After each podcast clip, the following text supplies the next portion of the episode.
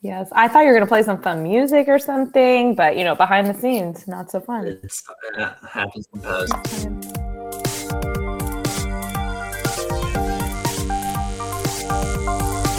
Well, I'm not a crook.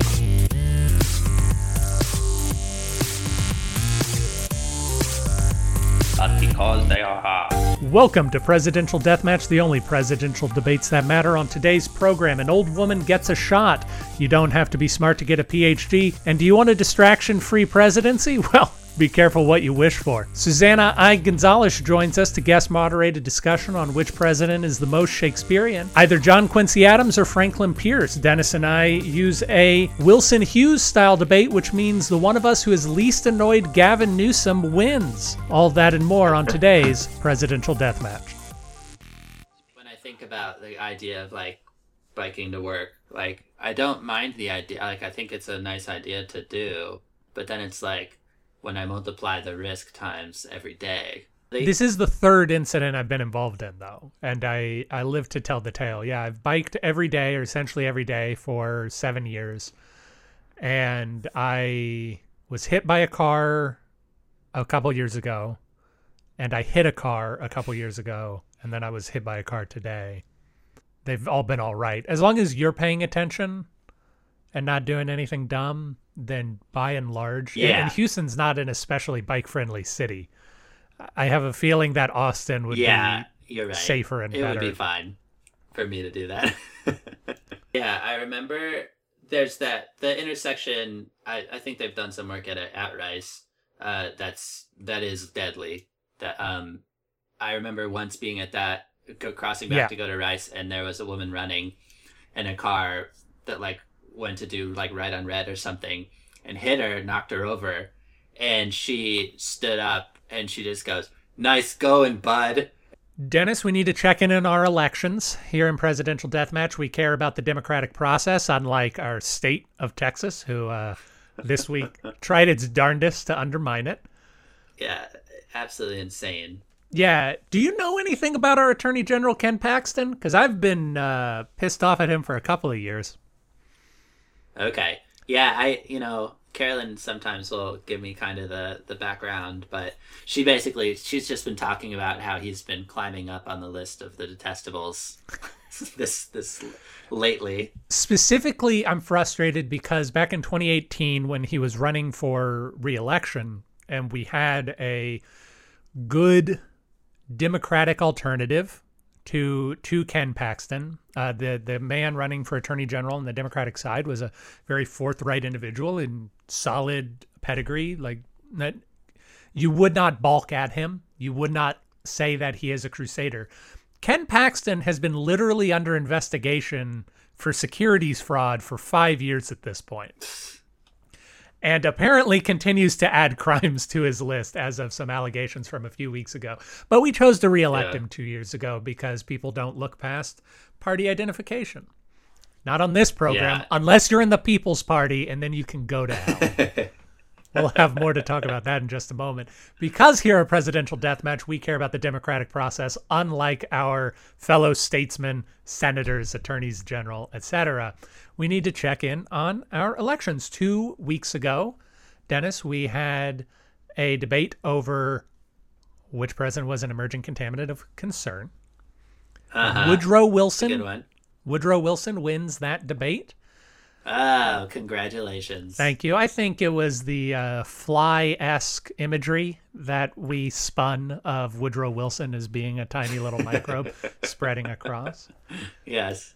And uh, I I will say on that uh, I was I did receive a message from a constituent that they had intended to write in Carolyn Cooper for that one. I don't know if that affects the results, but it does not affect the results. If you ever want to write in somebody, I suppose you need to send me an email because the platform we use does not allow write-ins. They don't have ballot access. But if you if you feel strongly, send me an email about it. Last week, Dennis, do you remember the debate we had last week?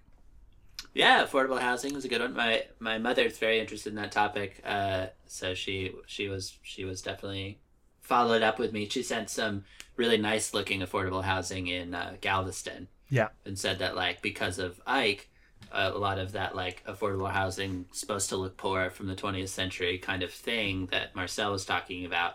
Uh, maybe that that kind of thinking had already evolved by you know 2008. So the affordable housing looks really nice. so I thought that was a really interesting anecdote. Well, you will perhaps be gratified to know that Millard Fillmore has a potentially insurmountable lead as of right now. Hey! Usually I say this person's in the lead, but it's anybody's guess. But based on how many people vote in our polls, it seems as though Millard Fillmore just is killing it in that particular in that particular debate. Nice. Yeah. I was again messaged by a constituent who said they were voting for the People's Party candidate. That so- did happen. It happened this morning because I checked the polls earlier this morning and I said, well, you know what? Millard Fillmore might be kicking ass, but at least no one's voting for that Communist People's Party. And then I took a look right before recording time, and what do I see but spit on my face as someone votes for the People's Party? They're try- gonna take your babies away. You're you, you're saying that I'm I'm joking. I'm not joking. The People's Party, if Andrew Stout is elected to power, he will come and take your babies away. That's all I'm going to say about that. to secede. I really enjoyed. Oh, let's let's uh, officially go into retractions, and I will say that if you did not listen to last week's episode on affordable housing with Marcel Merwin, I would highly recommend it because it was a really interesting discussion with a really fascinating individual, and uh, there's very little of Dennis or I to contaminate the proceedings. I, uh, I I would love to. It, unfortunately, there was a bit of a time crunch in the recording of that episode, so I didn't get to maybe challenge Marcel as much as I would have liked to, prod at his ideas some more. But it was a, a really good discussion. What didn't happen in last week's episode, Dennis, as you know, is we did not play a game because we felt it would Indeed. cheapen the discussion that we had. Not so with this week's episode with Susanna. I will cheapen a Shakespearean discussion any day of the week. but I I had a game prepared for presidential homes, and I thought I would just run through a little bit of that with you right now if you wanted to hear it.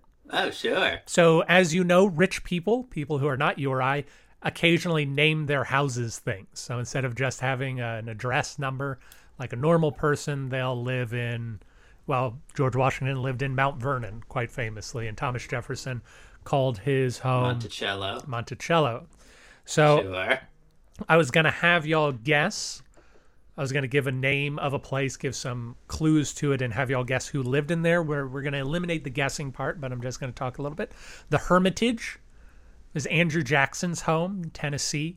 It fell into disrepair for quite a long time, but they raised some money to fix it up. It, was known because uh, if you know anything about Andrew Jackson, you know that he and his wife adopted a lot of kids and a lot of animals, and so it was kind of a, a wild place. And Andrew Jackson was kind of a wild mountain dude. So uh, his home, the Hermitage, was a, a bit of a bit of a pigsty. And then another one I was going to have you guess was Sherwood Shore, Sherwood Forest. Do you know Sherwood Forest from your recent? Yeah, recent? that that one. Uh, yeah, would have been a one that I would have guessed it because because of yeah recently learning about John Tyler. John right? Tyler's home. It is the uh, oldest presidential house, which is still being maintained by the original family. Oh, cool. Yeah, because John Tyler's family is innumerable, and whenever you strike down one Tyler, two Tylers will take their place.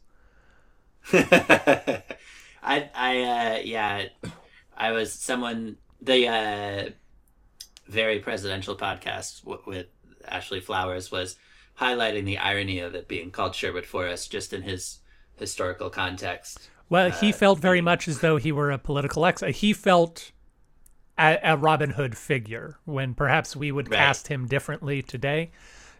Yes, exactly. Carolyn, Carolyn said that she was getting real Marie Antoinette vibes from John Tyler, which I thought was a really nice Yeah, picture to paint. yeah, f- for sure, for sure. the Sherwood Forest website I found very amusing because they talked a lot about a ghost, but it wasn't like the ghost of like John Tyler or John Tyler's wife. It was a ghost that John Tyler and his wife talked about having when they lived there. And uh, they were like the they were like, but we have really good news because like in the last 20 years we've gotten a picture of it. And so there's Oh. a picture on the website and they're like, see there she is. but it's just a staircase. I don't know. it's weird. La Casa Pacifica? Do you want to take a guess at who lived in La Casa Pacifica? Well, I guess just I'm trying to guess which president lived in La Casa Pacifica. Indeed. If you have any guesses. Ooh. Yeah. Is this before or after the presidency? Before the presidency and after the presidency, Right. but he owned the home before the presidency. I have an idea, but I'm going to let Dennis keep guessing because I don't know why, where my idea comes from. It's a little random. Okay. My guess was gonna be Nixon. Nixon. That was my inkling you are correct. there you go. Oh, Richard my Nixon lives in La Casa Pacifica. Because I was thinking the whole We got a California mind. thing. Yeah, Yeah. yeah, yeah. Yeah. that Yorba was My only, yeah. Unless it was a trick question, that was a pretty safe, safe guess. I'm glad Yeah. we got it.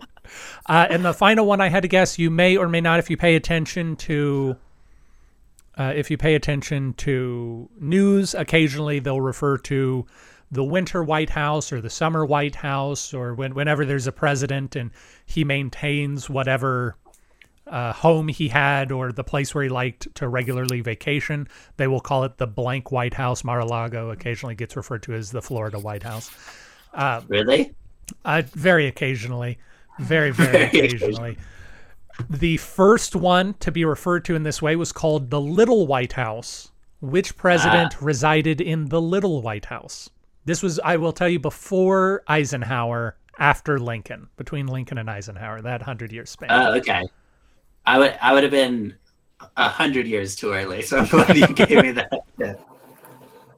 I just would have been climbing up president by president from like Monroe, between Lincoln and Eisenhower. Spending too much time for the retraction section, Yeah, Dennis. uh, Just toss out a name. He's on your team. I'll say Uh, that. He's on your team. um, I'm gonna look at my little photo of my team. All right. Um, we're going to move on. It's FDR. FDR resided in the Little White House, which was somewhere in New York State, a state which I believe you've been to, Dennis. FDR is the person that I should just always guess for anything having to do with my party. It's entirely possible. I actually, one of the amusing things listening back to last week's episode was realizing that I never once brought up FDR in a conversation about affordable housing. When our guest Maybe. specifically said that the New Deal programs are what created affordable housing, we weren't Yeah, great last week, but it's mostly because we were very interested in what was being said. So, what I Yeah. should say is we weren't butting in as much as I expect to rudely interrupt our guest today. Because I feel much more comfortable needling Talking about Shakespeare. today's guest. Uh, I don't think it has anything to do with Shakespeare, Dennis. I think it's just me. possible. Oh, I. I, I have a lot of latent resentment for a lot of people. Is Susanna one of them? I don't know. We're we're gonna find out. we'll find today. out.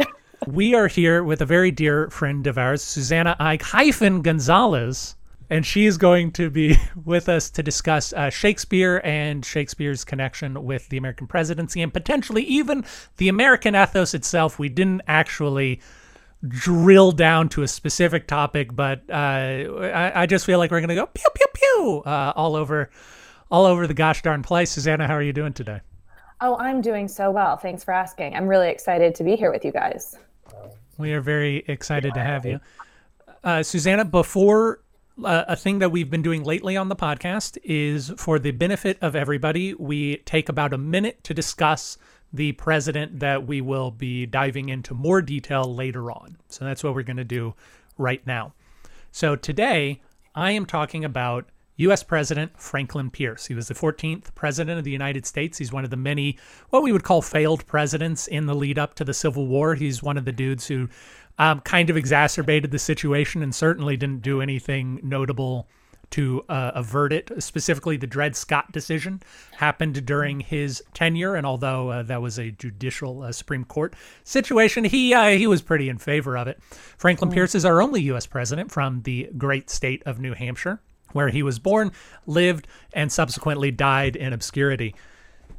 He served for four years from 1853 to 1857, and he is the only president to have been uh, nominated by his party and then refused nomination by his party. Oh, uh, excellent. which, you know, Maybe we were hoping for a second one of those to happen. Didn't happen. Franklin Pierce, though, paves the way for president uh, for parties to stand up to their nominees, whether or not we we listen to that sort of thing. He had, uh, well, we're going to hear about his life because his life is very, uh, I feel, Shakespearean. So I'm going to hold off on a lot of those details. But uh, as a congressman, he was undistinguished. As a senator, he was undistinguished. As a lawyer, he made the ladies swoon. and as a president, he drank a whole bunch. Franklin Pierce. I'm doing John Quincy Adams, or Oh. John the Second, as we might want to refer to him. Clever. Well done. Uh, he was president from 1825 to 28, that four-year term.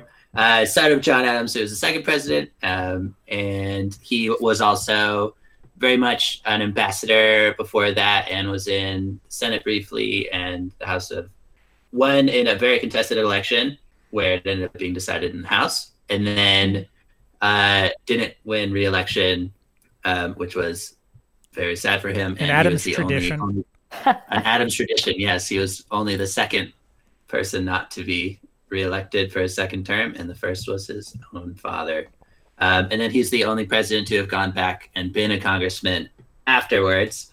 And uh, he's very well remembered for that part of his life because he got really into abolition and felt that slavery was tearing the country apart. Better remembered for his post presidency because he was uh, he got really involved in abolition and uh, opposed a lot of things that, as that started to become a lot more center stage, like the annexation of Texas and the Mexican American War, and then uh, died in the House of Representatives. He was the only president to be in the House of Representatives after being president, and uh, he he died standing up to basically scold the rest of the the rest of Congress about the Mexican American War being being a bummer, and then had a stroke and and and and Guys, Yes. war's a bummer. I'll leave it at two because I don't want it to. Be, I don't want to use all my dramatic moments. Yeah, no, I understand. But uh, John Quincy Adams, Franklin Pierce, we don't always get super tense matchups on this program, but I feel like this week it really could go any way.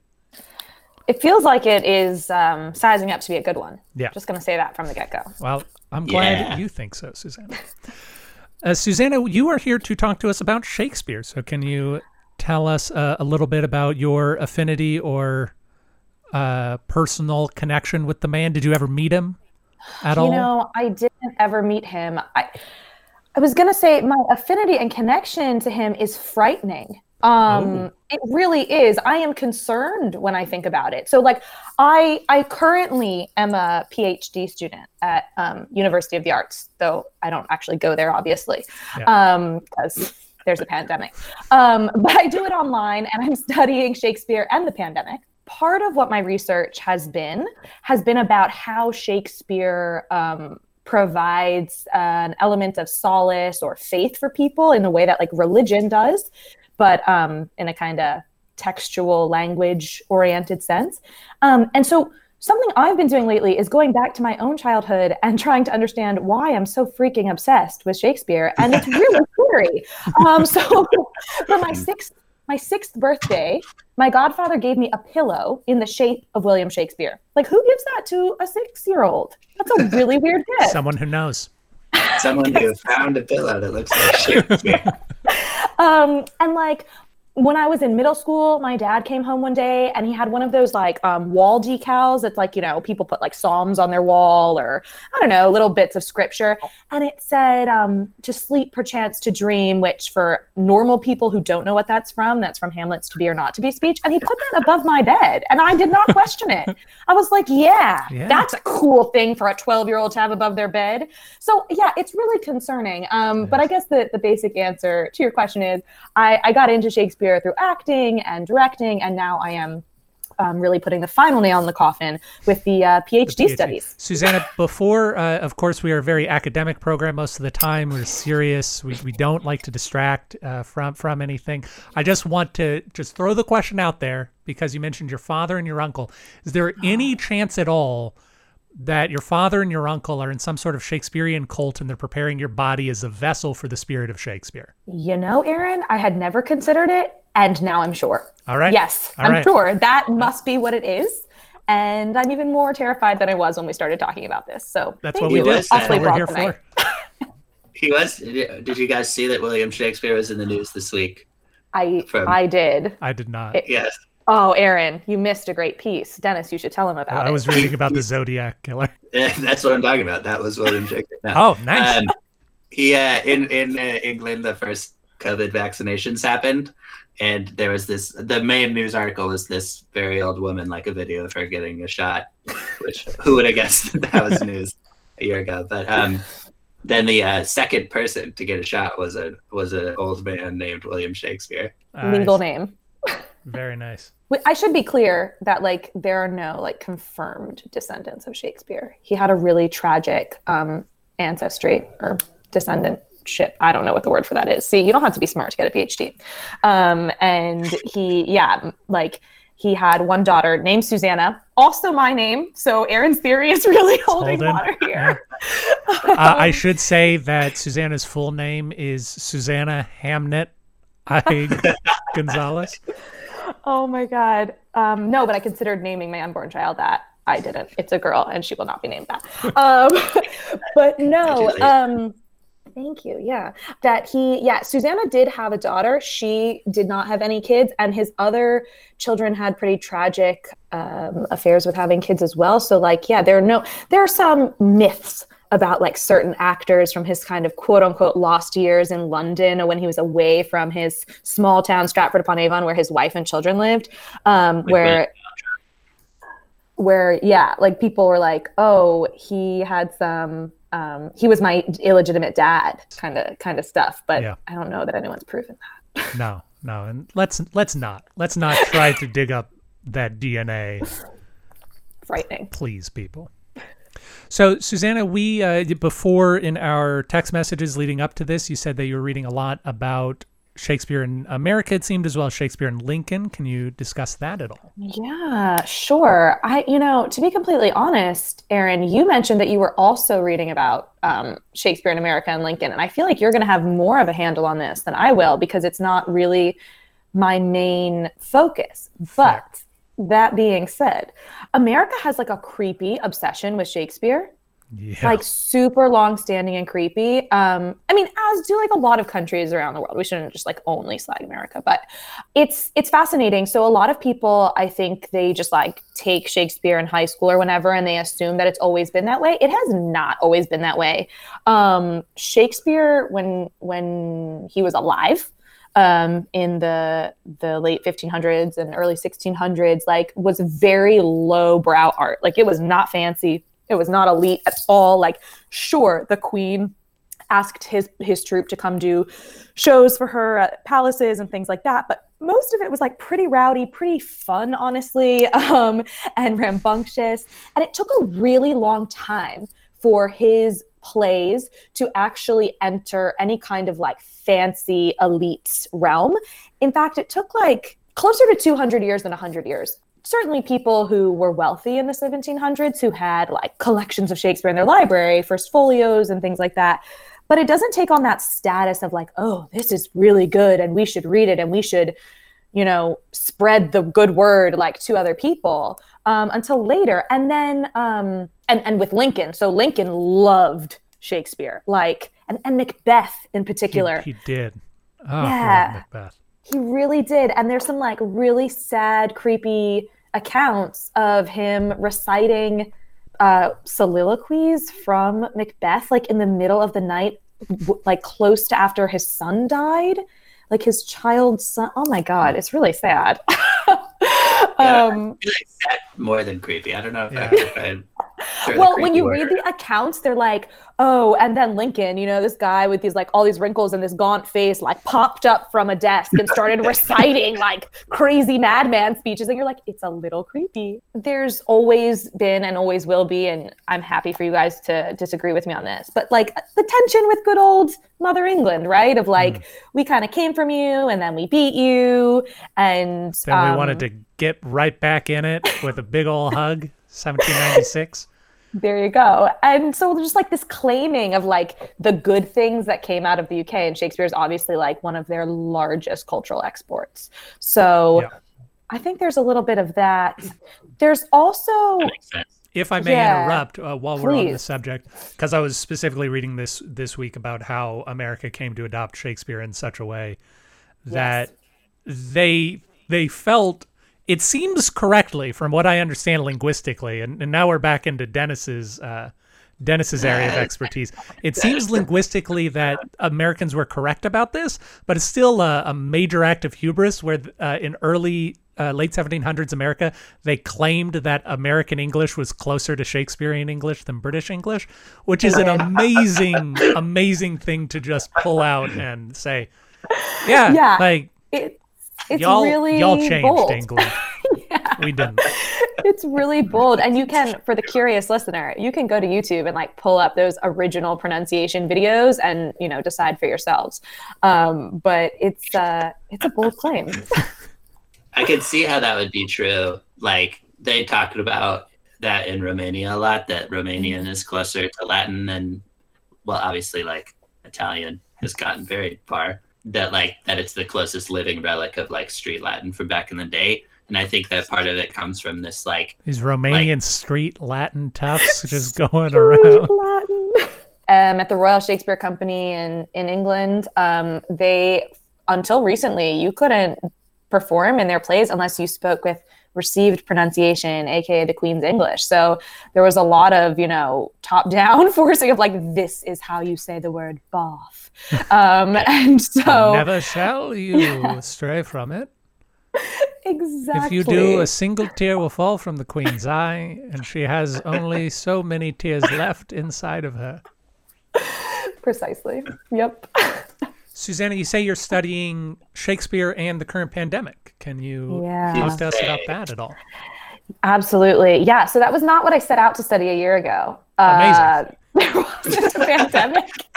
I was looking at um, Shakespeare and high school students, um, which is something I've long been interested in because I love people who are bored by Shakespeare. Because, as I've mentioned, I have always been freakishly obsessed, and I don't think that's fair or right. So um, I've always been like curious about normal people who don't like it and find it boring, and I want to understand like what what kind of flips that switch in people. So I started by looking at high school students, and I was looking at extracurricular programs that are um, really successful at getting kids engaged with Shakespeare.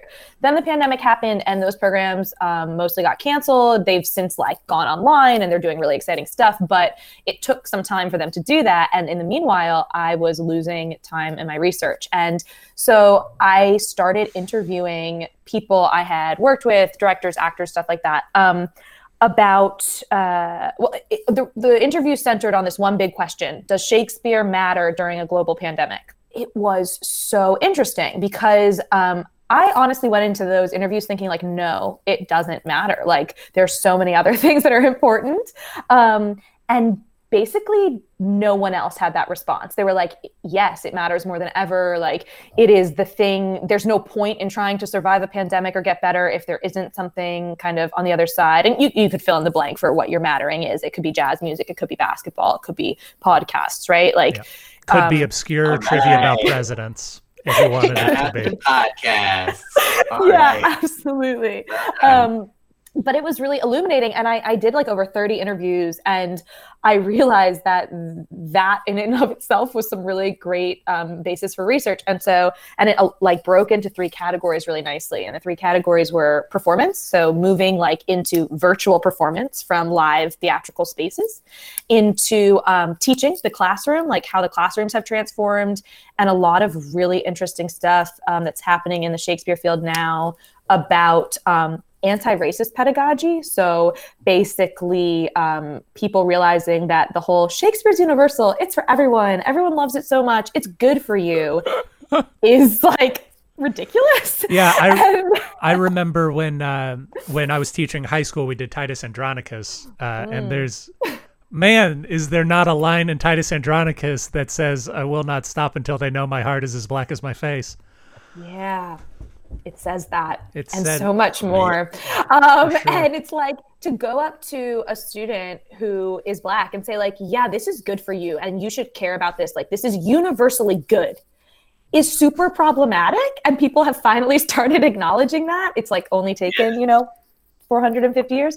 Um, so people are doing some really cool stuff where they're like they're still teaching Shakespeare, but they're being much more honest about it, and they're saying they're questioning it and arguing with it, and so the good stuff remains and the problematic stuff gets talked about so that was a big thing that came that's been coming out of the pandemic and the last was the thing i mentioned about um uh, people finding comfort in it, kind of like a religion. So a lot of people turn to like bits of text or quotes they've heard. Like even people who are not big into Shakespeare, they remember like some quote they heard at a wedding or in high school English class, and they'll be like, "Yeah, that quote really brings me solace, or it really relates to this moment right now." Because like, you know, we can't get through this without mentioning Shakespeare lived through some plagues. Sure. Um, so. Yeah, yeah yeah, that's that's what, what I've been doing for the past calendar year. Is yeah. there evidence of like the the plagues and stuff that he lived through, like in his plays? Like, yeah. Yeah. No, that's a really good question. So, like the the really popular um, example amongst a uh, certain community, which is just all the Shakespeare nerds that they like to bring up, is in Romeo and Juliet. Um, there's a like key plot point that hinges on the fact that there's a plague. So, um, quick recap on Romeo and mm-hmm. Juliet. Two teenagers fall in love, decide overnight they're going to get married, do it. Then oh. um, Romeo goes and accidentally kills Juliet's cousin, which is like kind of not okay. And so um, he gets banished to like a nearby town and he's not too pleased. And so this friar from their original town, Verona, is like, Don't worry, Juliet. I'll like get a message to him that you're going to fake your own death and then he can come retrieve you from your family's crypt and you guys can run away together. Like, problem solved. And she's like, Great, cool, let's do that. So um, the friar like goes out and he like gives the letter to be sent to Romeo in the nearby town to his buddy Friar, um, Friar John. Next thing we know, Friar John's there and he's like, oh man, I am so sorry. I did not get that letter to Romeo. There was a plague in the town I was in, and I couldn't get the letter to him. So I'm really sorry. And like the whole plot falls apart from that point. And Romeo like never gets the letter that Juliet's faking her death, so he just thinks she's actually dead. So then he kills himself. I mean, spoilers, but yeah. So that's like the big example that people use. But there's also just like a lot of like the the, the way he talks about sickness and disease and stuff as like being really like controversial. Like he talks a lot about how like when you're sick you you don't do the thing to make you better. You often tend to like dive into the indulgent thing that makes it worse. And so a lot of people were um relating that to like social distancing and and staying home and like how people aren't doing that so much anymore or even weren't in the beginning and how that's just making everything worse but it's so hard because we are social beings and we do want to like see other people well, some of us want to see other people. Yeah, yeah. um so yeah. But i also get the like also see the other angle of it that i was more guilty of especially early on is like uh, like supposed to quarantine, like I will sit on the floor and do nothing on Saturday instead of like trying at all to like entertain myself or call friends or anything. yeah, just like wallowing in the isolation. Yeah, exactly. No one wallows like Dennis. That's what I always say. Susannah, we are coming up to the end of the time for our interview, but I have a couple of quick uh, questions for you, if you don't mind. Okay, love it. Uh, so, what's new in Shakespeare? Right now? Oh my god! I guess virtual performances. That's what's new right now. Um, so a lot of like reimagining how to like make things funny that for a long time like were done one way and now because they're on a screen like it's kind of a new opportunity actually to to for the comedy i'd say although i think it would be fair to say that you, you may not like anyone as much as you like shakespeare since you haven't devoted your scholarship to studying anyone else's work are there any other authors, specifically contemporary authors, that give sort of a Shakespearean feel in a more modern setting? Oh, that's a really good question. Um, I don't know that I have anyone off the top of my head. I mean, there's like the classic like Faulkner, but that's not really, uh, you know, that's not full on 2020 contemporary. That's just more modern. Mm-hmm. Um, and I've always really liked Faulkner. I've always also loved Toni Morrison. I think there's something really Shakespearean about Toni Morrison's work, especially Beloved, Beloved, um, which is just uh, beautiful and like obviously it's a novel it's not written the same way but the the intensity of the stakes that the characters mm. feel i think that's what's shakespearean about that for me mm. and as an excellent lead into our final question since dennis and i are going to argue about shakespearean presidents could you please give us just three to five adjectives for what you think defines uh, like a Shakespearean tragedy and a Shakespearean comedy. Okay, tragedy first. Let's say um, hubris. Yeah. um, let's. I was gonna say ego, but like that's kind of right in there with hubris. Um, assumptions, not not an adjective, but I think uh, a good thing to throw out there, or like failed expectations, and then timing for for both the tragedy and the comedy. And then for the comedy, I would say um, uh, wordplay, also not an adjective. I'm very bad at this. Uh, but but you, you're getting it. These okay right. cool and i guess the other the other i will actually give an adjective um is wonder like wonderment mm-hmm. that's not an adjective wow wow like i said do not have to be smart to get a phd chase your dreams people Yeah. Also, if you get enough PhDs, you can make nouns into adjectives and no one will question you. oh my god that must be what i've been trying to do this whole time Yeah, it's a power that the English gods bestow upon you. I broke into a, a ceremony once. This is how I know. I am, of course, an apostate of education at this point in my life. This all makes sense now. Susannah, is there anything else you would like to tell the people about Shakespeare uh, or or your affinity towards him before we move into our game? i guess the last thing that i'll say is um if you don't like shakespeare i feel you. Give it another shot but on your own terms And may I point out, uh, in relation to presidents, Theodore Roosevelt did just that. Uh, in my research this week, I found that Theodore Roosevelt, throughout most of his life, said, This Shakespeare guy sucks. Why do people like him? And then one time when he was going off to Africa, for whatever reason, he only had a Shakespeare with him. And he started reading it and he wrote a letter to his daughter that said, I know I've made fun of Shakespeare all my life, but for whatever reason, like suddenly it's just great. And I've been rereading and rereading and I love it. I love that. I had never heard that story. That's a great um, little tidbit there. Yeah. That is cool. So when uh, I was originally, I knew that fact because I was originally going to try and come up with a Shakespearean game for our presidents. But then when Susannah in our text message said that she already knew about Abraham Lincoln, I knew a different tact had to be tried because I could not ask what was Abraham Lincoln's favorite Shakespeare play. Oh, that's like the one thing I know. So sorry to spoil that. So instead, we're going to be playing a commonality game. I have a list of a few different presidents. I'm going to give you a list, and you have to tell me what they have in common. Now, Susannah, I uh, some of this is going to be fairly obscure trivia, so I'm not going to expect you to get it. Uh, feel free to ask any questions you may like.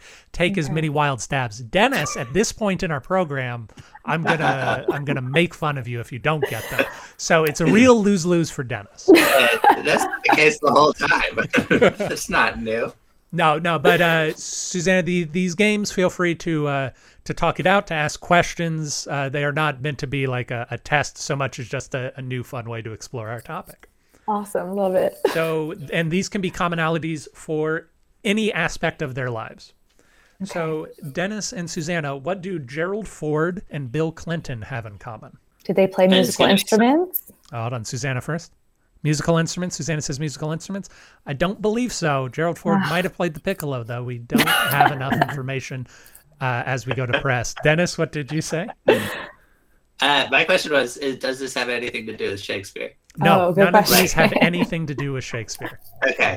Okay. So One of them kind of game. does, but you're never going to Okay. guess it. So, Okay. Oh man.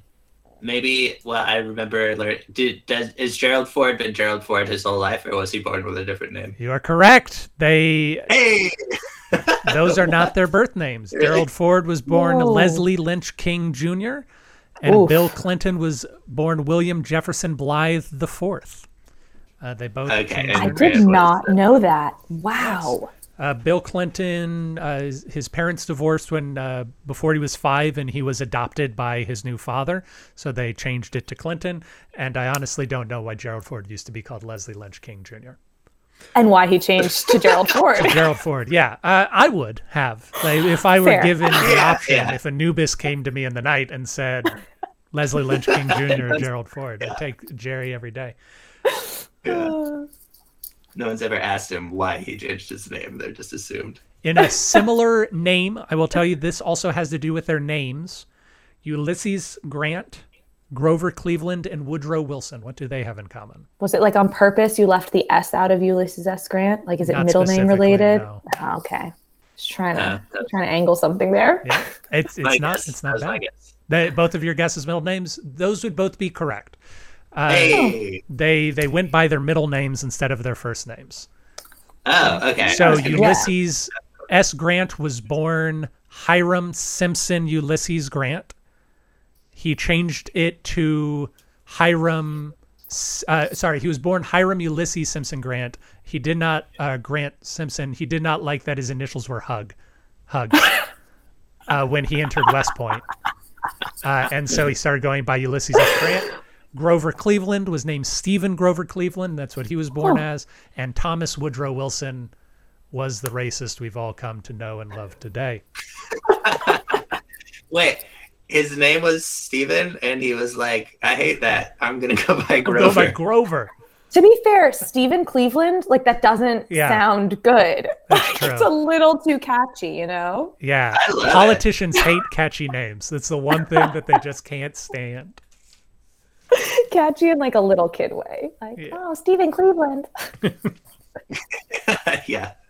I've, I've come of age. The time has come for me to switch to Grover. Grover. All right, Grover uh, is the sweet character, right? Susannah, Yeah. uh, we know that you've listened to all of our episodes two or three times already, so you know that we have a love for correct. for Martin Van Buren or the MVB as we call him. Okay. And so these these next several questions are Martin Van Buren related. All right. Several. Several of them. Okay. Yeah, several of them. He, he just kept coming up. He's really fantastic. So, what do Martin Van Buren and Franklin Delano Roosevelt have in common? I have no idea. Um, they both have like catchy initials as MVB has gone. That's true. MVB and FDR. is Um, it still name related, or have we departed from we have name related? departed from names. names? We are now into biography. There's New York. That's true. That's going to be important later on. It's not the New York connection, but New York, New York is uh, good for later on. Dutch names.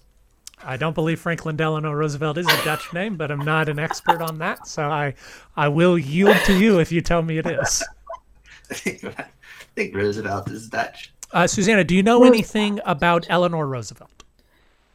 Not really. Okay, I mean, I I, know like she was an impressive lady, but that's kind of the extent of my knowledge about Eleanor. She was. I, I will say that this is a commonality uh, between Eleanor Roosevelt and Hannah Hoes, uh, who later became Hannah Van Buren, more than it is. Okay. Was both Eleanor What were you going to say, Dennis? I was, just, I was gonna say they both had Dutch last names. What I, I'm, I'm. This is so bad. You can tell, like, I don't study American history. But was Eleanor? Um, was she? Was she for the women's vote? Was that a thing she did? I know what it is. Uh, I Oh, I believe she was, knows but it. Hannah Hoes definitely would not have been. Would not. Too vote. Uh, too long. Yeah, too Okay. Too long ago. Dennis, what is it? They're both uh, related to their husbands. That is second cousins. correct. They are both cousins. Uh, both Martin Van Buren and Franklin Roosevelt married their cousins. Joy. it's a different time, Susannah. We didn't have a lot Yeah. of people in the country back then. I know people who are married now who are cousins. Like they didn't get married in this Today? country, but like currently in 2020 are cousins who are. Which is not a different time. No, no. 2020 happens to be the same time. Uh, Neither of them is a president, though. So No, not yet. Yeah. Not yet. Not you know, yet. never give up hope. That's uh, that's what Dwight D. Eisenhower's story tells us. But we don't have time for that. Maybe next week, as Dennis told me. Oh man. Uh, Susannah, what Yep. do Theodore Roosevelt, Millard Fillmore, and Martin Van Buren, the MVB himself, have in common? Teddy Roosevelt, Milli Vanilli, and MVB. You know, Aaron, you've got me stuck on these fun names now. It's all I can think about. Wow. Okay. Um, yeah, they had adorable stuffed animals named after them or children's toys. It's true. It's true. We all know the Millard Fillmore stuffed duck and the Martin Van yeah. Buren uh, robotic condor. Oh my gosh. when when was Fillmore president? He would have been president 1849 to 1852, approximately, or 1853. Okay, okay, okay. I will tell you this is not about when they were president, but rather after they were president. It's like where they died or something they did after they were president. It is something after they did Okay. That they did after. that they did after.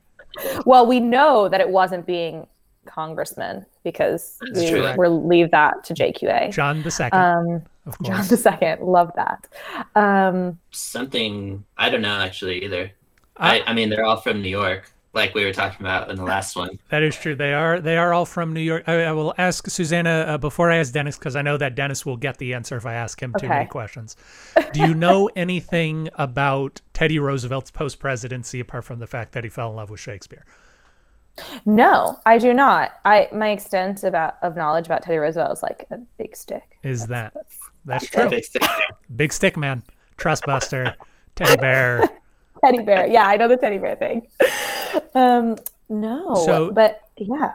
Dennis, uh, you talked about Millard Fillmore last week. Is that correct? Yes. Yes, it is. Uh, so you spoke about Millard Fillmore last week. Do you remember what you said about his post presidency career?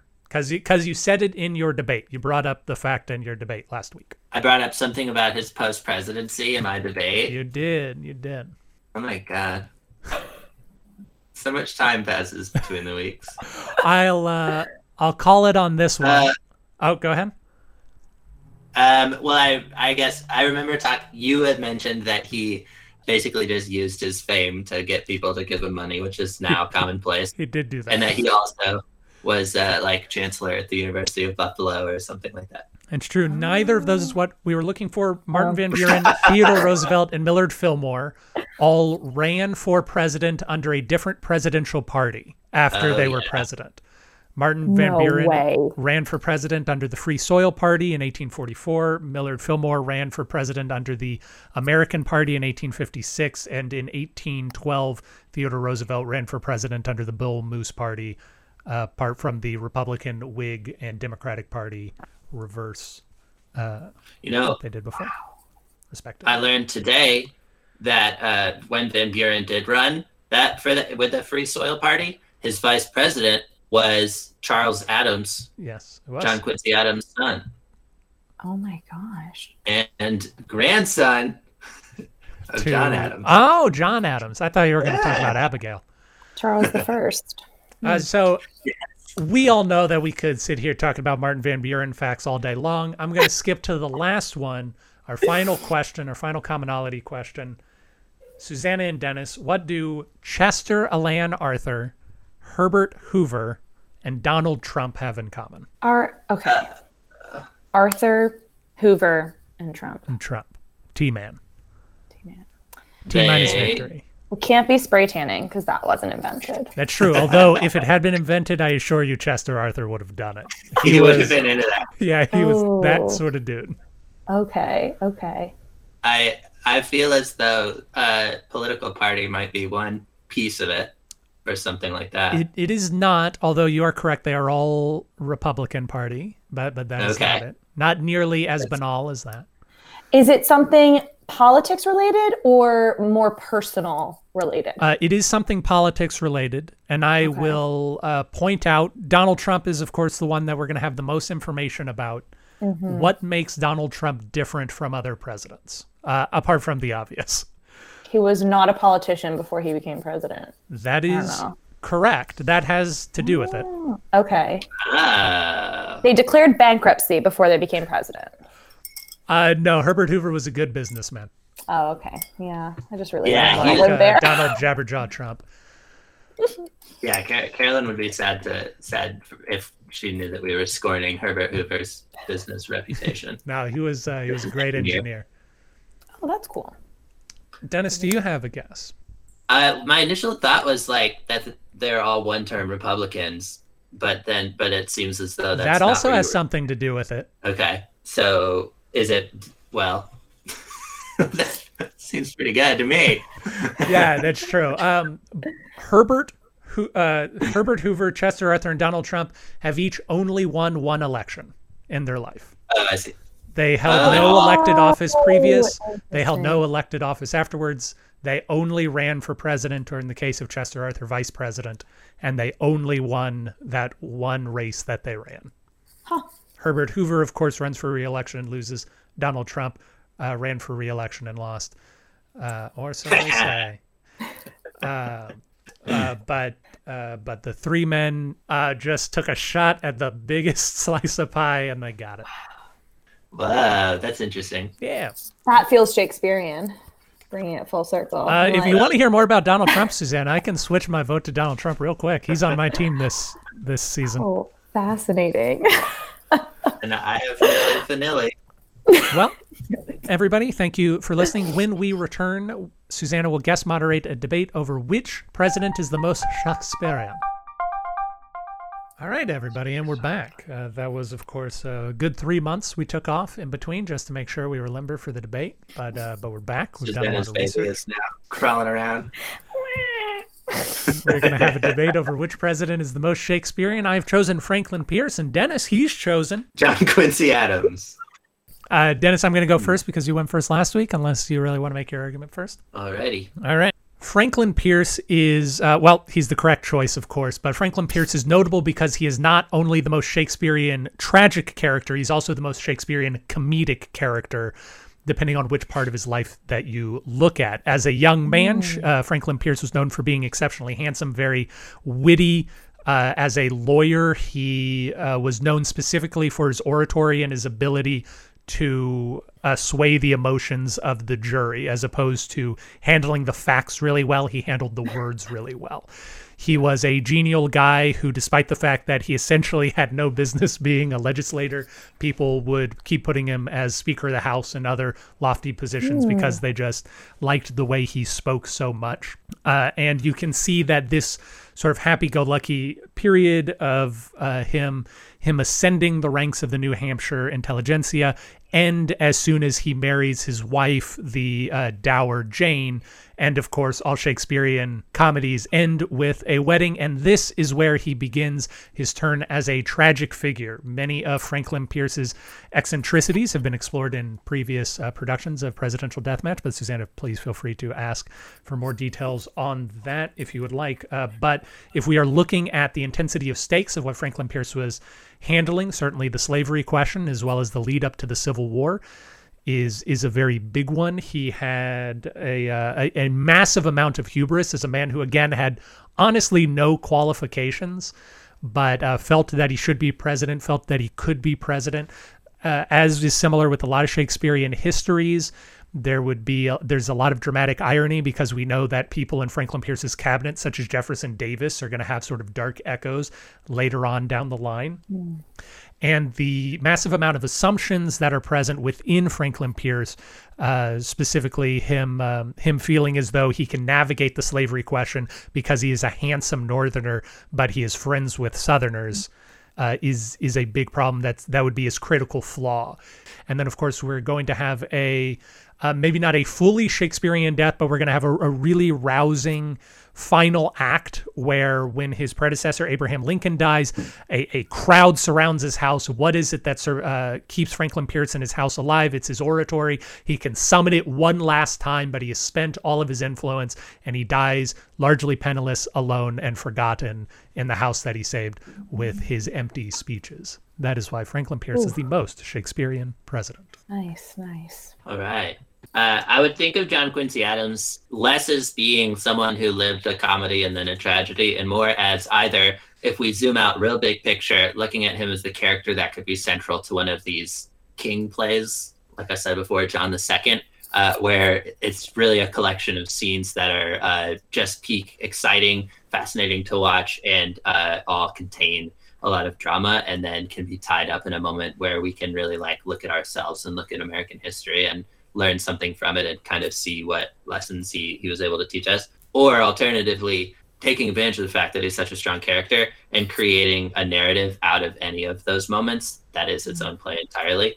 Uh, I think one, for example, would be how he became president uh, in this highly contested election where four people were all running in the same party, the Democratic Republican Party, and then the House ends up deciding that it's him, and then one of the other people who ran, he gives them the Secretary of State position, which is like the position that two presidents before that had held right before becoming president, and then that caused all this political Mhm. infighting because it seemed like he gave it to him in return for getting him to help him become president. So there's all this drama there, and then he ends up losing to Andrew Jackson. Um, so I think that would be one really exciting thing. Or the other angle you could look at is kind of the war angle, because as Secretary of State, he helped negotiate the end of the War of 1812 and uh, helped write the Monroe Doctrine, which was all about international relations with Europe. So there's a lot of these things where there's war happening, there's like so many lives at stake, and he's the guy in the room uh, figuring out how America could come out on top without there being all this death. And then, of course, uh, again at the end of his life, uh, this happens where he's um, he the Civil War is approaching, and he's back in the House of Representatives trying to get things like the Mexican American War to not happen, um, and trying to get slavery to be abolished, but also trying to avoid more war. Um, and all of this, his character is so is so consistent because he really just never could live up to his father's image, which his mother made very sure of. Why else does someone become president and then go back and like work in the House of Representatives for all that time? When he did die in those final moments, uh, he said, "I am content," were his last words, Mm. and uh, he, you know, fades into silence. And who's standing next to him as he dies? But Abraham Lincoln. It would be a good, I think, closing moment. This- Abraham Lincoln features heavily in both of our stories. Well, I will also I heard that Susannah was reading a book about it. So. Do do I just pick one of you to start the questions with, or do I ask you the same question? you can ask us different questions, the same questions. It is your floor, however you'd like to use it. Excellent. Okay. Then we'll start with you, Aaron. Mm-hmm. So you set up this really lovely like transition from tra- uh, from comedy to tragedy, which a lot of tragedies take that as we were talking about Romeo and Juliet earlier. Like it's all going well, it's gonna be fine. There's some like quirky mishaps, but it's gonna work out, and then it doesn't, and it turns into a tragedy.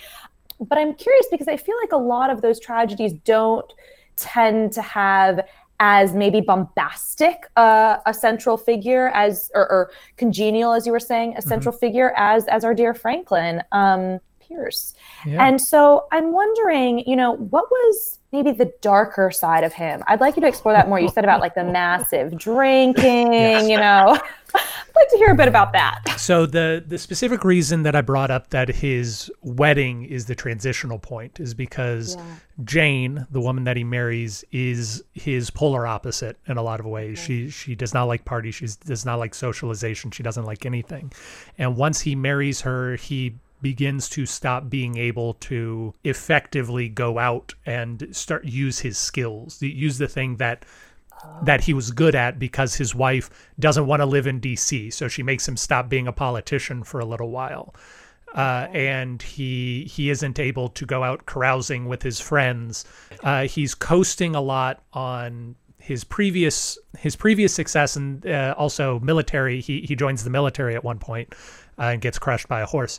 Uh, Franklin Pierce divorced from the jocularity of his early 30s uh, because he became Speaker of the House of the New New Hampshire before he was 30, uh, and he was a senator. Uh, I think by the time he was 33 or 34, he, he was he had an, a, very quick rise in politics, which is what let him take a decade off and then come back and be president later on. wow Um, so divorced from that, he becomes very bitter because he wants to be out doing the things that he did when he was younger. He wants to be out um, schmoozing with people, but his experiences with with his wife prevents him from doing so. Uh, additionally, he loses two children. Uh, he has three children. Two of them die uh, in early childhood, and we told this story on the podcast last time we spoke about Pierce. But uh, uh, I think you will agree, uh, Susannah. This is a very Shakespeare-esque tableau. Um, Franklin Pierce gets elected president. He and his very sad wife and his young son Benji, who's the only surviving child at this point, are traveling by train to the inauguration. The train gets into an accident and everyone is fine except for Benji, who gets thrown from the train, smashed on the ground in front of his two parents. And then Jane Pierce says, I know now that God wants you to be president because he has removed all distractions from your life. Okay, that is possibly the most shocking and also saddest thing I've heard definitely today. Yeah, it is. Uh, we're it in is a global pandemic. a remarkable thing. And so Jane Pierce spends the entirety of Franklin's presidency in black, in mourning, just puttering around the upstairs of the White House while Pierce is struggling to handle the Civil War, which of course he is ill equipped to do. Uh, and he is drinking, drinking, drinking, drinking this entire time. Yeah, that is pretty Shakespearean. I got to I got to give you that. Okay, Dennis, a Yes. question for you, my friend. So, let's talk a little bit more about this living in daddy's shadow thing because that is also very Shakespearean. When you were talking, you know, for all the Shakespeare buffs out there, I was thinking a lot about Henry V, who is our one of one of the few king you were you were saying the king plays or the history plays that like he we see him as um this very like boisterous teenager running around on like the bad side of town. Um and then his dad henry iv dies and he's like oh i have to be king now. And he like completely disowns all of his his former drinking pals whatever. And he he steps like pretty well into the shoes. But i was thinking about him because of that as well as because he had a lot of war dealings. Um, and it's kind of debated whether or not he was like loving war and was kind of warmongering, or if he actually just really felt he needed to end these wars. And um, Henry V, the play ends with um, him being like, "We'll never have to go to war again," except his son really messes that up, and Henry VI is bad. But anyway, so my question is, um, can you tell us a bit more about how JQA failed or succeeded in living up to his father's um, image? with so John Adams, I guess, didn't win a second term.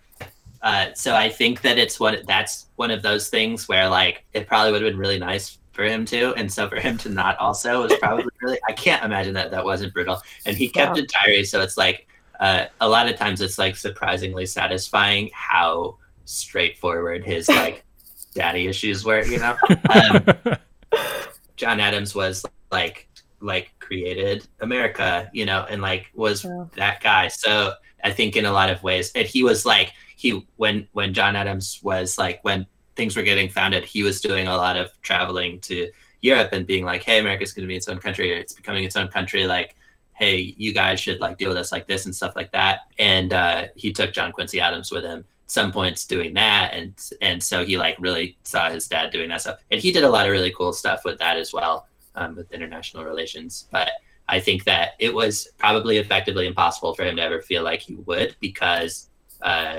because he couldn't like start a country from scratch. Right. You know?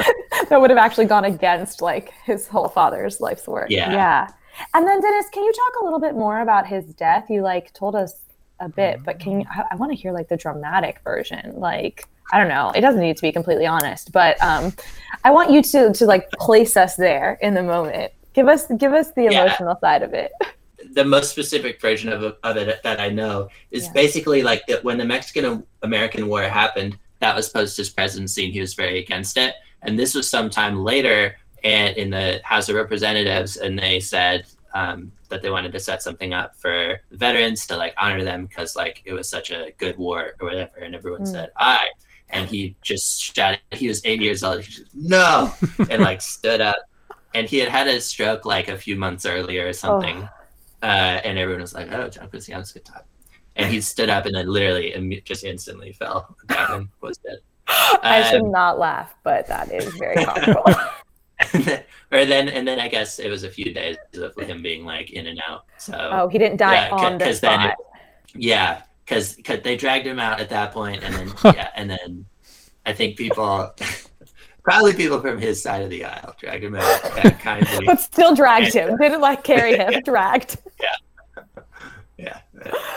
Um, oh. But yeah, I thought it was pretty interesting that Abraham Lincoln was there. yeah. He he only had it sounded like tragically his son he, he had three sons but two of them died like around the age of 30 um, one of them seemed to have some drinking problems and the other one had like a failed business and and his uncle also had died like i think before he was born maybe from uh, alcoholism and things related to that so that was part of the reason that his mom was always so uh, intense with him uh, as i think she really didn't know how to like get Mhm. she was really worried about being in line and was always like your dad is like this amazing person like you need to be really intense to be like that and he was but it's kind of it's interesting to think about his final moments. I think in particular because it seems like he was working towards something that he was never going to reach, and then for him to say, "I am content in those final moments." Yeah. You so guys have set up some are, really good Shakespearean things, especially, and I will applaud you on the um, the supporting role of the women because this is very Shakespearean, um, Dennis, and what you were just saying, like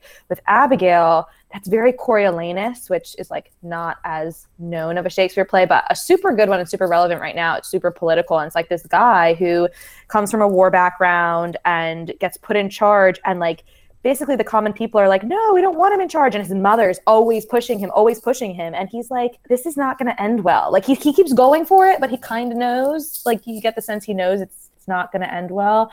Um, and then Aaron, of course, like, wow, Jane, woof, the all black. Can you get more dramatic than that? I mean, I get it. Yeah. I get why she's doing it. Not but... a subtle person. no, certainly, certainly um, intense. Yeah. So let's can I is there can I ask another question? You can ask uh, as many questions as you like. okay. like. So my next question is for both of you. It was one same question for each of you. Aaron, you touched on this. Actually, you both touched on this. You touched on um, Pierce's and John II's um, their their use of words. Dennis, you mentioned it more in the terms of like the diary and the final words. And Aaron, you talked about um, that that good old Frankie was like um, very eloquent and very very persuasive in his use of emotional language and arguments. Um, and so I would just like to know if there's anything more I should know about their their love of language or their use of words or um, their their love of literature, poetry, anything in that realm might be might be interesting. John Quincy Adams was real. Uh, he was a real nerd. He's like historians think he had the highest IQ of any president. That he's the only genius level IQ president. Mm. He spoke Greek and Latin and French and uh, from a young age, and then was like the Prussian ambassador and the Russian ambassador, and presumably picked up quite a bit from those. Um, so he has that, and then yeah, he kept a diary for like huge portions of his life. Uh, he did say he he I found this quote. He said, um, "I am a warrior so that my son may be a merchant, so that his son may be a poet," which is a nice. Uh, Paul Giamatti um, says that in the in the miniseries. Really? It's it's really well delivered. Like it's a really well delivered oh, line. Nice. The, yeah. He's yeah. so so, but he's playing the dad, right? Uh, yeah, they they give it to John Adams in the in the series. Take it away from JQA. Wow. Yeah. Wow. But yeah, you know, like it, the thing, the thing that's really coming out of that, Dennis, for me is like JQA and all the other things you said. He's really interested in legacy, and that is very Shakespearean. Like anyone who's listened to any of Hamilton, and there's like some, you know, ties to Macbeth and lots of other Shakespearean things there. It's all about, you know, okay, I'm gonna die. We're all gonna die, but what's gonna live on of me after? And that's that's really interesting. So that quote. Yeah, I, yeah, I would. I yeah, and I this isn't maybe a good thing for my argument, but I, I wonder like how much for his own legacy he was concerned at first because he seemed like he had trouble marketing himself mm. and stuff like that. But um, it is interesting how like Shakespeare, he like maybe didn't have the best legacy uh, in like the more recent history after he died but like it's just kind of been steadily steadily becoming that he's more and more someone that's talked about like yeah. as one of the great especially because it's like his presidency he was very ambitious and a lot of things didn't happen and then he only had the one term versus as secretary of state and as like a congressman and all the rest he's becoming more and more well remembered yeah that's a really interesting parallel. Um aaron words language. Words words words Franklin Pierce uh, was an extraordinarily frivolous man, and I think it is hard to say that he loved anything apart from hedonism uh, and having fun. Uh, there's there's a specifically a story like he is. I, I know a guy like this. He irritates me because I'm uh, like a failure in most things, but he seems to put out just very little effort and keep succeeding and succeeding and succeeding. Uh, Franklin, yeah, Franklin Pierce seems was the sort of guy who could achieve what he needed to achieve, and he never tried to achieve more. So uh, mm. Dennis says that JQA is a nerd. Franklin Pierce is a prep all the way. He uh, the, there's a story he he enrolls in a New Hampshire boarding school and he just when he's a kid and he just loves it so much that after the first year he's the bottom of his class because he just spends all of his time talking. And then he gets kind of a talking to from his dad. And so he spends the next three years studying hard and he graduates fifth in his class which is a, a fairly dramatic rise.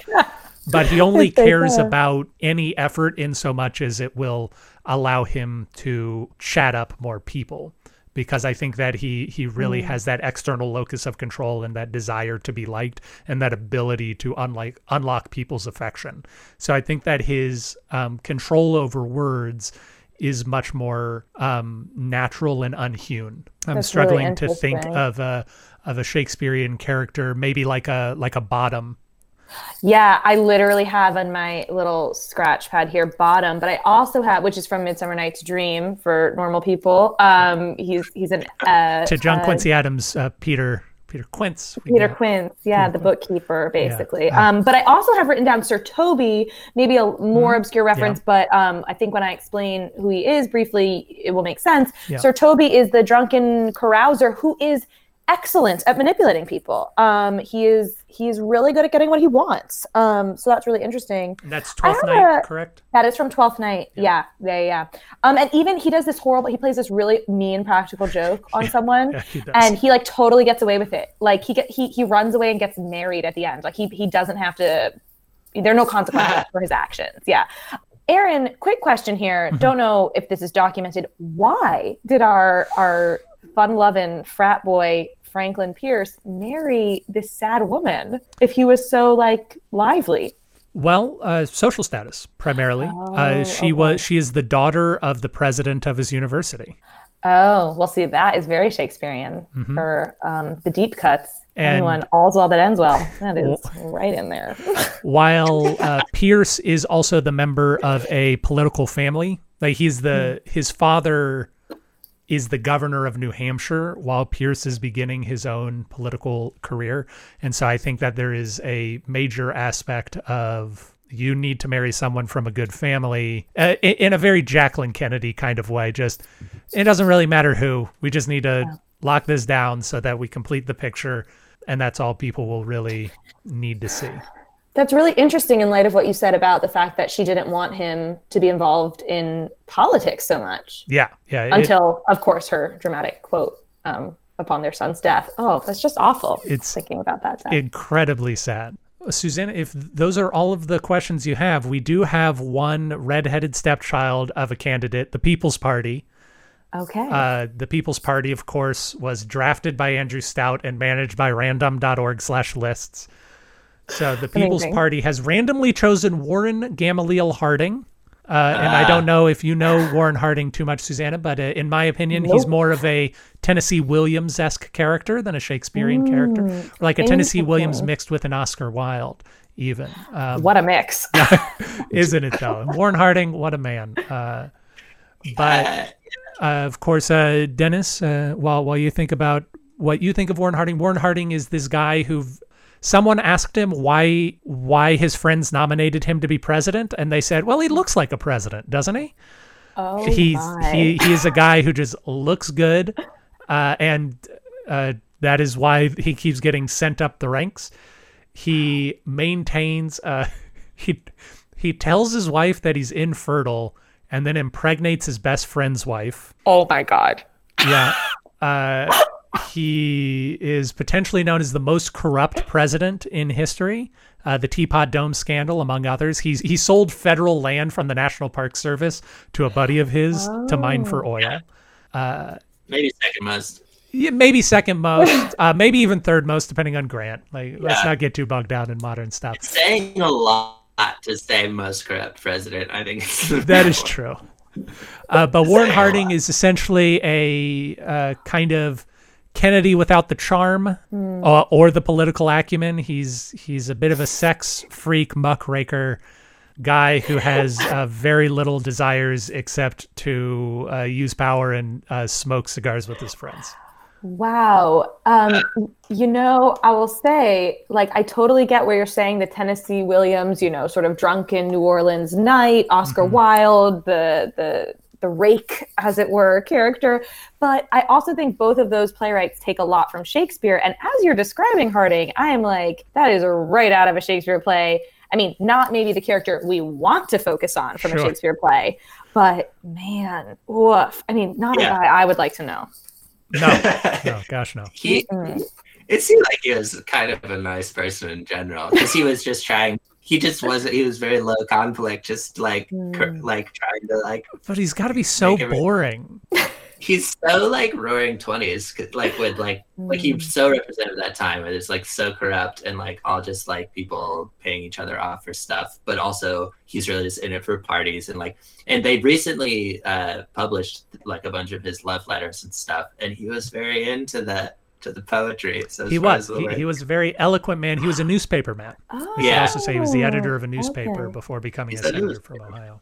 yeah Is that this is not related to Shakespeare? Is that a normal trajectory? Do we have other presidents who who worked in in print in that way before becoming president? Uh, it's not Editors or- uncommon. So, so what you found to to give a really quick recap, and we spoke about this a few months ago in regards to Grover Cleveland, Dennis, if you remember, that um, journalism in the late 1800s was not yeah. meant to be objective. Uh, it was Ah. meant to be. There was usually a paper called like the Columbus Republican and the Columbus Democrat. And so the newspapers were very much in bed with the political parties of the time, and they were an extension of the political machine. So it was not uncommon for uh, newspaper men to run for public office. Um, you, you, of course, you usually find it with mayors or governors or senators. And Warren Harding goes from editor of this paper to senator of Ohio, from senator of Ohio to president of the United States. Ironically, uh, his uh, his opponent in that election, James Cox, was also a newspaper editor from Ohio. So Oh my gosh. in the case of 1920, that's who we had to choose from. I'm trying to think. Uh, I mean, certainly people like Benjamin Franklin, not a president, but he was a legislator, was uh, was a newspaper man, a pretty famous writer. yeah. Um, and like if you extend it to the media then then our current president certainly has like that trajectory of Ronald Reagan. Yeah, it's definitely more common with that. Uh, that makes Reagan. sense. Yeah. I, mean, I guess I'm thinking, I, I must admit, I'm thinking like, oh, a newspaper man, an editor that's so elite, you know, you have to work so hard to do that. But that is, that's, that's only of certain papers, you know, like Yeah. there are so many other papers and that person is just as qualified to call themselves as a newspaper man as someone who's the editor of the New York Times. So, you know, Yeah. um, yeah. Yeah, you know, I think I think there are elements to, to Harding that are Shakespearean, but I'm I'm going to have to agree with you, Aaron, that they they definitely seem descendant of Shakespeare, elusive to Shakespeare, not quite the Shakespearean thing itself. And I think that you guys have presented very good candidates in terms of actually you. Shakespearean and not derivative. it's uh his uh i do remember his dying moment um harding's dying moment I, I end up talking quite a bit about death on this podcast, but uh, well, it's called Death Yeah. Match. yeah, uh, it's called Deathmatch. death, right, right. It's In the end, death death is a uniting force. There you go. Is that Shakespeare? Can be anything you want it to be. divided upon itself. Um, I'm, I uh, feel like that for some reason Shakespeare makes me think of like what are the what's the dying moment? Yeah. but, but for yeah for Harding, he was like he was like he ended up being pretty disgraced and stuff because a lot of the corruption got revealed.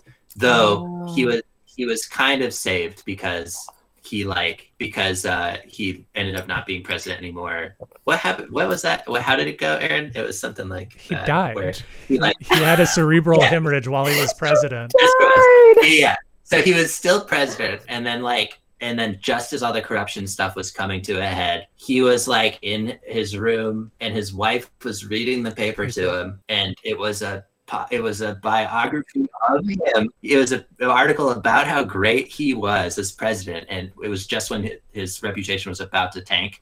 So he was like really, and he said, "Yes, that's good. Read some more," and then like closed his eyes and like never woke up. Yeah. And oh my god. And then within a year, everybody hated his guts, but he he escaped Yeah. every he escaped everything in in life. he didn't He's- have to deal with it. Yeah, it really, you know, I get very strong like Great Gatsby vibes from him. Like yeah, Yeah. yeah, great. right at the good. point of, you know, yeah, that that peak, he's out and then everyone else has to clean up the mess. And that's not very Shakespearean. Shakespearean, they kind of just leave all the mess untangled and they mm-hmm. just all walk away. Whomever you think is the most Shakespearean character, please vote for it in the link that you see in the description. As long as you don't vote for the People's Party, because that's not democracy in action. Democracy in action is two choices an Aaron and a Dennis. Susannah, thank you for joining us today. Is there anywhere you would like to point folks uh, to learn more about you? Are there any um, perhaps uh, books or plays or anything that you might want to recommend uh, that that people might be inspired by? Yeah, absolutely. I will. Um, the book, Aaron, that you and I have chatted about, um, Shakespeare in a Divided America, is really mm -hmm. interesting. I think the title is a little misleading. People don't really get what it's about, but it kind of marches through some of the history of Shakespeare's um, influence at different times in American history, politics, social culture, things like that, and and looks at um, how how Shakespeare has sort of steered people, um, somewhat subconsciously, I'd say. Mm. Um, so that's pretty interesting. It is available on Audible, which is nice because you don't have to sit there and read it. Um, Some and... sort of poor person. yeah, horrible. Um, but the other book that I will say, if you are, if this podcast has gotten you going, like, oh, Shakespeare presidents, that's interesting. Stephen Greenblatt's Tyrant is another book that came out in the last couple of years that um, does a really great job of talking about the the last few years in American politics without um, too specifically, I would say, um, naming names. I mean, it's very obvious what the author's bias is, but it it does a really good job of aligning kind of what's happening now, not with the pandemic, of course, it was written before that, um, but with politics and and some figures in the Shakespeare history plays. Um, which, if once again, I will say, if you don't like Shakespeare because you're normal, um, the history plays are a great place to start because they're kind of like a more drawn out episode of like West Wing. So yeah. It's been great, yeah, guys. yeah, absolutely. Totally. Yeah. Thanks so much. For those uh, of you who are listening next week, which I believe our episode will release on Christmas Eve, we are going to be joined by our romantic partners, and we will be presenting a two person well because dennis isn't married so i can't say our wives you could just say partners well, okay i've whatever. got creative part i got business it's, i'm a i'm a partnered up dude just uh, romantic 100% of the time but we're going to be discussing which presidential couple would throw the best Christmas party. Everyone um, have a fantastic weekend or life. I don't know. Just enjoy enjoy yourselves, everybody. Get off my back. I'm sorry. Shakespeare drove you away. Thank you for listening to Presidential Deathmatch. Presidential Deathmatch is a production of Pronoia Theater. You can find more out about us at pronoiatheater.com. This program was edited by Aaron Garrett with music by Dennis Buddy and hosted by those same two lovable goofballs. You can always email us at contact at pronoiatheater.com. If you enjoyed the program, we ask that you rate and review wherever it is you found us. It really helps us out. And if you didn't like the program, why don't you stick around? We really grow on you. Oh my gosh guys, real talk though, yeah. there was this article when I was just sort of Googling around because I was like, I don't know how much Shakespeare slash US presidential history I need to know. There was this article I happened upon that was so good. It's just on Bustle, like it's not like super intense, but it was this article. I think I still have it open. Oh, maybe. Yeah, yeah, yeah. It's called um, why Shakespeare can assassinate Obama but not Trump. And I don't know how familiar. I'll explain like what the title means because it's kind of misleading. Um, I don't know if you guys are familiar with the production that happened last summer at the Public, the Shakespeare in the Park, Julius Caesar, yes. where they like made um, Julius Caesar like look a lot like Trump, and then obviously they killed him because Julius Caesar, and mm-hmm. um, they like sent um, Trump plants into the audience, and they started like sorry, the, the cast had Trump like people in red hats in the audience who were like protesting during, but it was all part of the performance. But then actual Trump supporters came mm-hmm. and got super furious, and like Delta pulled their um, sponsorship of the play and stuff. But then, so that's what this article is about of how apparently like two or three years ago um, a different production uh, did a julius caesar where the caesar looked like obama and so obviously he gets killed too because mm-hmm. he's julius caesar and delta did not pull their sponsorship from that production and it was like this whole thing about how i mean it's not surprising but like that delta was like yeah we're like way too scared to lose our like big conservative like backers because they're gonna freak out over this um, and also everyone just like missed the point entirely because in Julius Caesar the answer is like, oh, violence actually doesn't work. Doesn't. Like we shouldn't assassinate the leader that doesn't actually fix our problems. Um, but yeah, it was like a really good article. It was really interesting.